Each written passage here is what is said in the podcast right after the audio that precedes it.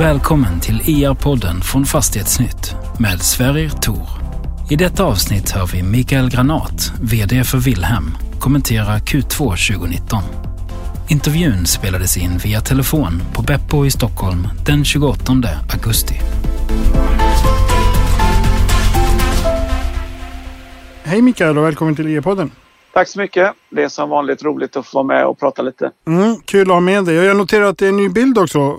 Du ler väldigt fint på den här bilden i rapporten. Ja, just det. Jag tror att hela layouten är lite delvis nu när, i rapporten. Vi producerar den här helt själva numera. Det har vi inte gjort tidigare. Okej.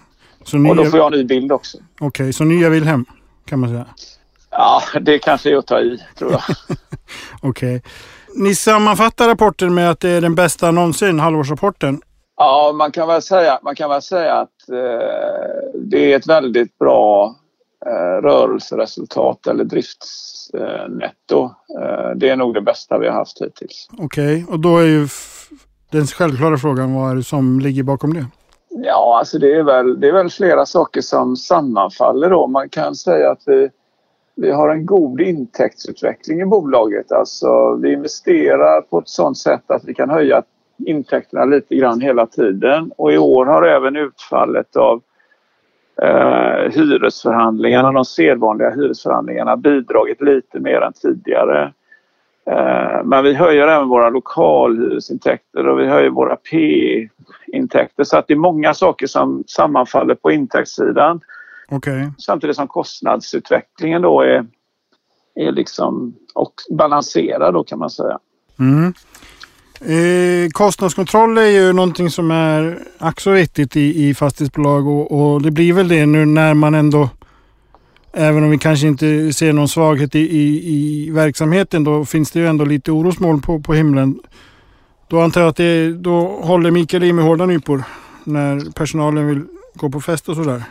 Alltså när de äh, går på fest, ja, det gör vi ju inte varje dag då kan jag säga. Utan det kanske inte den, det är inte den största kostnadsposten hos oss utan den största kostnadsposten hos oss det, är, det har med, om man tänker ur en driftnettosynpunkt, det är ju mediakostnader. Okej. och kostnader runt att liksom, alltså värme och vatten och sånt där. Och det är klart, det jobbar vi med hela tiden för att styra i en riktning att de, alltså att förbrukningen minskar då. Okej, okej. Så det, det kan man säga. Och sen händer det ju att vi har- även har kalas, men det är väldigt i proportion då väldigt lite. Så det finns ingen risk att hela, hela balansräkningen på 40 miljarder går åt fest? Ja, den risken skulle jag vilja säga är helt obefintlig. Vad bra. Vad bra. Ja, då lämnar vi tramset här, tänker jag. Men Ja, ja, om man tittar på, på jämförelse här mellan åren så växer ju både reparations och underhållskostnader och, och, och, och administrationskostnaderna, fastighetsadministrationen. Är det, det har med, med era förvärv att göra antar jag?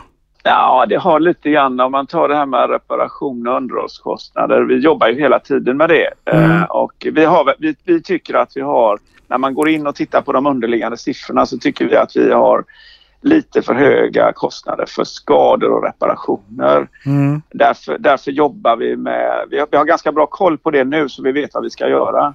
Okej. Eh, eh, så så det, det, det har vi kontroll på. Mm. Eh, När det gäller planerat underhåll så följer det... Vi, vi jobbar ju med det hela tiden och styr det. Och sen när det gäller administrationen så är det kopplat till särskilda åtgärder som vi gör ute i organisationen Okej. kan man säga. Som, som vi också vet precis varför de uppstår då. Mm. Är det någonting du kan kommentera på mer eller? Alltså det kan ju vara att vi ändrar i, eh, alltså det kan ju vara så att eh, en chef till exempel behöver vara, bli sjuk eller en chef är barnledig. Då måste vi hyra in Mm, mm, eh, ersättare och då kostar det oftast mer än ordinarie personal. Då. Mm. Det är Mm. den typen av åtgärder som slår igenom i fastighetsadministrationen. Då. In, interimkostnader så att säga. Ja, det kan man säga. Mm. Så de är, inte- de är av engångskaraktär men man får nästan, le- alltså så pass stor organisation som vi har så får man liksom leva med att det händer hela tiden. Mm. Eh, Så- Så man är aldrig fri från det. Nej, så det är en återkommande engångskostnad om man, om man ska vara lite Så, så kan man säga, men vi Mm. kan inte betrakta det som något annat än engångskostnader. Alltså det, det, det sånt händer. Ja, jag förstår.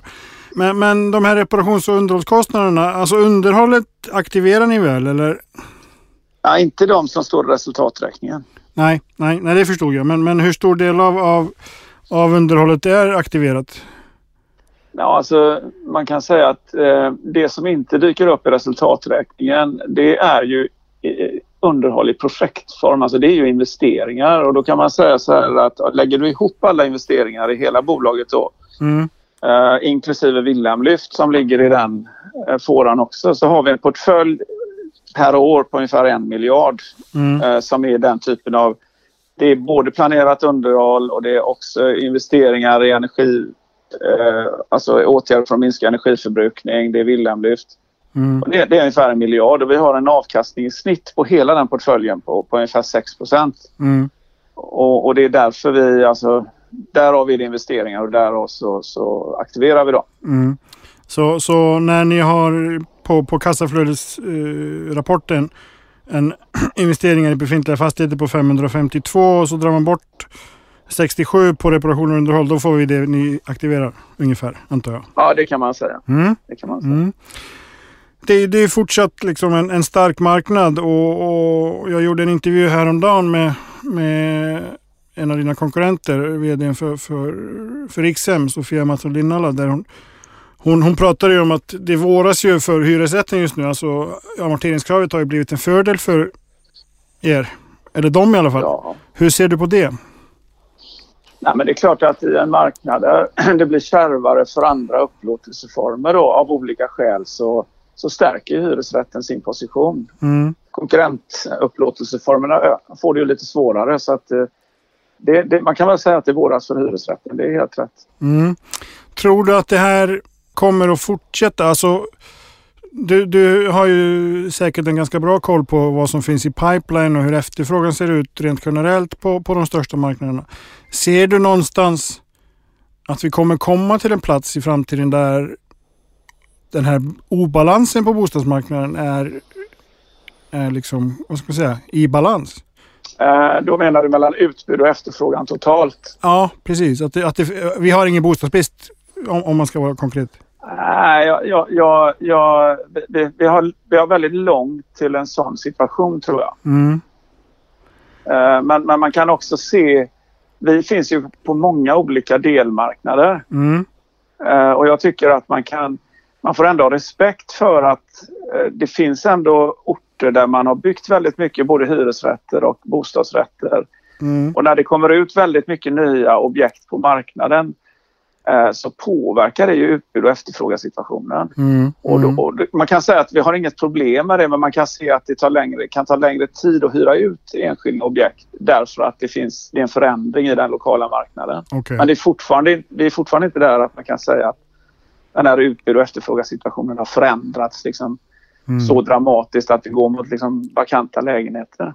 Precis. Men jag tycker, hela tiden, jag tycker det hela tiden är en fråga man ska ha stor respekt för faktiskt. För att, eh, de där förändringarna när de, när de väl kommer så, så, så, ser man dem oftast inte faktiskt. Så Nej, vi följer det ganska noga. De smyger sig in på det. Men alltså det är ju väldigt intressant där. Ni har, ja, ni har ett fastighetsvärde på 37,5, 6 någonstans där. Eh, Rikshem har ju, ligger ju på, på 20 miljarder över det. Det finns ett antal bolag andra som jobbar på samma marknad. Victoria Park, Hembla, vad de heter allihopa. Eh, alla ja. allmännyttor Ja. Eh, det finns ett enormt investeringsbehov i nyproduktion om man ska komma ikapp det här. Eh, sen ja. har man i... Ni, ja, ni investerar i befintligt investerar ni en miljard om året. Ungefär. Ja, ungefär. 1,2. Och om man räknar med liksom hela... Alltså det, det är ju miljardbelopp. Alltså 20 det var tiotals miljarder som investeras i underhåll bara i, i det befintliga beståndet. Absolut. För nu har det ju pratats om att det underhållet har varit eftersatt eh, innan den här, vad ska man säga, vågen av, av nya bostadsbolag kom. De här nya allmännyttorna som vissa har kallat dem. Ser du att om man hade liksom skött underhållet, hade man då haft möjligheten att, att jobba i kapp bostadsbristen på ett annat sätt? Är det bara en ekonomisk fråga? Ja, alltså det tror jag inte faktiskt. Att man, det är inte en sån enkel förklaring att om man bara hade skött, skött husen bättre så hade man inte haft något problem med utbud och efterfrågan. Det, det, tror jag inte. Möjligen är det så att om man hade gjort det då, om man nu teoretiskt tänker sig att det finns ett eftersatt underhåll som uppstått genom att man inte har skött husen. Mm. Eh, så skulle man liksom... Om man inte hade haft det problemet så hade man kunnat lägga mer kraft på, Mm. nyproduktion och haft mer finansiella muskler för att ta hand om det. Mm. Men jag tror att den, den, den, den analysen eller förklaringen den är för enkel tror jag. Okej, men det går ju onekligen att bygga en del för en, en miljard. Ja, det kan man göra fast det blir ju ändå... Det är ju inte... Eh, det blir inte jättemånga nya lägenheter alltså. Okej. Men det blir några stycken. Hur mycket kostar en lägenhet typ när ni bygger? Vet du det? Ja, du det det, kan jag, det kan jag inte i huvudet nu. Det får jag nästan kontrollera. Vi tar det till nästa gång. Ja, Vi brukar prata om lite, jag brukar ställa dig frågan, är det någonting du känner akut att det här måste åtgärdas? I bolaget menar I, du? Eller? I bolaget, ja eller i världen. Vi kan prata det också. I världen? jag tror vi nöjer oss med Wilhelm. Det finns mycket att oroa sig kring vad som händer i världen kan man säga, så det tar vi inte upp. Men, Nej, men, eh, nej, men i Wilhelm är det så att vi, vi jobbar ju på med vårt sätt och utveckla vårt arbetssätt för att hela tiden göra bolaget lite bättre. Mm. Eh, och då, då kan man säga att då är det väldigt viktigt för oss att jobba med alltså, investeringar som sänker våra kostnader, investeringar som eh, ökar vår intäktsmassa. Det är ju det vi, alltså vi drivs ju av det för att eh, utveckla bolaget. Och det är Mm. klart, det finns ju hela tiden saker som, som vi ser att man skulle vilja göra eller som, som Mm. man borde göra. Mm. Så jag, jag tycker att jag har ganska bra koll på det. Sen, sen är det mer det här att man ska orka med att göra allting. Ja, precis. Eh, och det är minst lika svårt som att tänka ut vad man ska göra kan man säga. Mm. Tycker du att, att organisationen taktar liksom på max eller har ni Nej, 95 max procent. Ja, 95 procent, det vet jag inte. Men på max är det nästan aldrig tror jag. Men, men jag tycker att man kan säga att i år har vi, så som det har sett ut sista året, så har vi börjat... Nu, nu kan vi verkligen se att vi har börjat hitta rutiner, processer och former som gör att vi hela tiden når det här tillståndet av ständiga förbättringar. Mm. Alltså det är tydligare nu än för ett par år sedan. Okej, okej. Och det hänger delvis ihop med att vi heller inte har haft så stark expansion de sista, kan man säga, ett och ett halvt, två åren. Vilket gör att då blir det liksom enklare för människor att hitta ifatt eller komma ifatt med olika saker. Man kan fokusera på vardagen på något sätt. Ja, Mm. precis. Eh, ni har ju en del områden. Ni har köpt en del på er på, på senaste tiden också, eller senaste åren. Eh, Vilka förtätningsmöjligheter finns i de där? Vi har gjort en genomgång, gjorde vi kanske det i för tre, fyra år sedan. Då identifierade vi att vi kan by- kunde bygga ungefär 3000 lägenheter. Mm. Eh, Men då är inte all mark planlagd så det kräver ju liksom planeringsarbete och så. Det, det har vi sedan börjat att jobba med. Mm. Eh, och nu har vi väl byggt av de 3000 kanske vi har byggt 500 lägenheter eller någonting sånt där. Okej. Så då finns det, så finns det, det finns liksom fortfarande en bank kvar. Men vi, vi skulle gärna bygga fler hus och jobba mer med det. Eh, så därför så tror jag att vi kommer att söka även vara med mer i, i eh, och, alltså köpa mark i markanvisningstävlingar och sådär. Alltså försöka aktivera oss mer. Mm. Men vi har fullt upp, vi har mycket att göra med det vi har. Okej, men, men då menar du bygga i, i nya områden? Ja, kan bara bygga i nya, alltså inte i de områdena där vi finns utan Mm. i områden som kanske ligger gränsa till de områdena där vi finns. Okej, okej. Men så att ni får den här kluster, klustertänket i alla fall?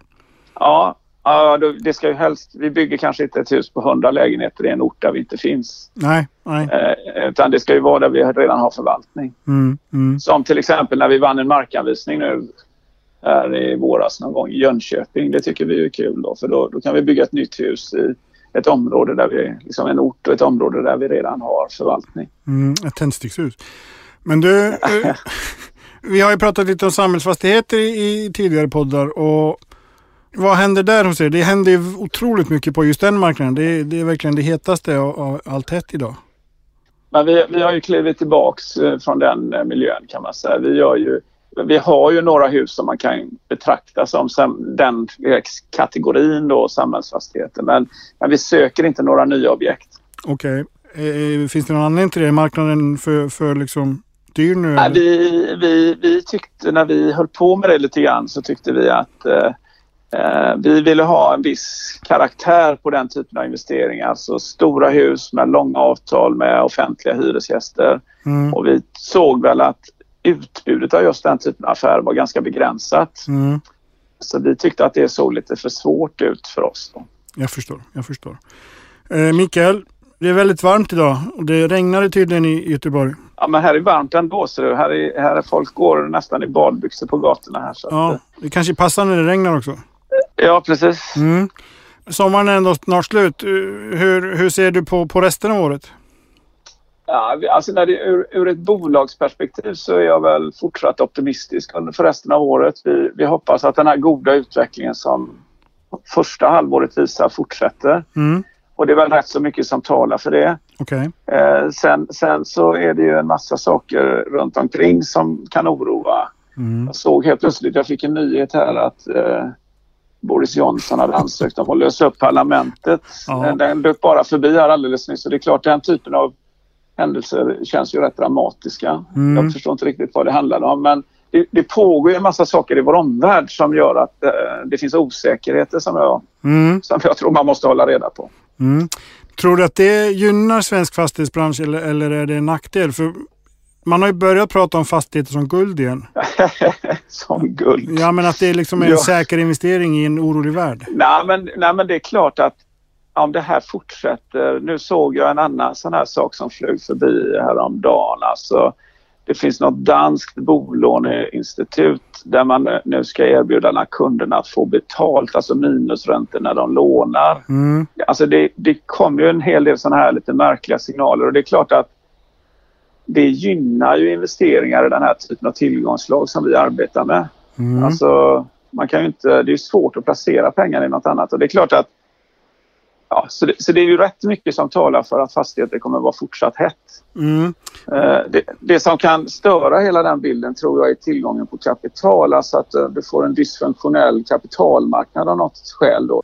Alltså att eh, banker och kapitalmarknaden inte fungerar. För det brukar ju störa liksom, Mm. trans, transaktionstätheten då ganska mycket. Mm. Men du som har varit med ett par konjunkturcykler eller tre. Eh, känner du en oro för det här? Jag, jag funderar ganska mycket på detta. Eh, För jag funderar ganska mycket på vad det är man inte ser. Mm. Och jag, kan, jag har inte kommit på något bra så jag kan, kan inte förmedla det. Och jag, hade jag kunnat det hade jag nog sagt det. Men, jag, men det är ju lite, det det är liksom lite lurigt läge. Alltså extremt låga räntor, Mm. god kapitalmarknad, mycket pengar mot fastigheter. När du börjar prata om fastigheter i guld, vet du, vad är haken med det? Mm. Finns alltid en hake. Du får Ja. fundera vidare så kan vi ta det nästa gång. Jaha, Ja, kan vi fortsätta? toppen. Stort tack Mikael. Tack!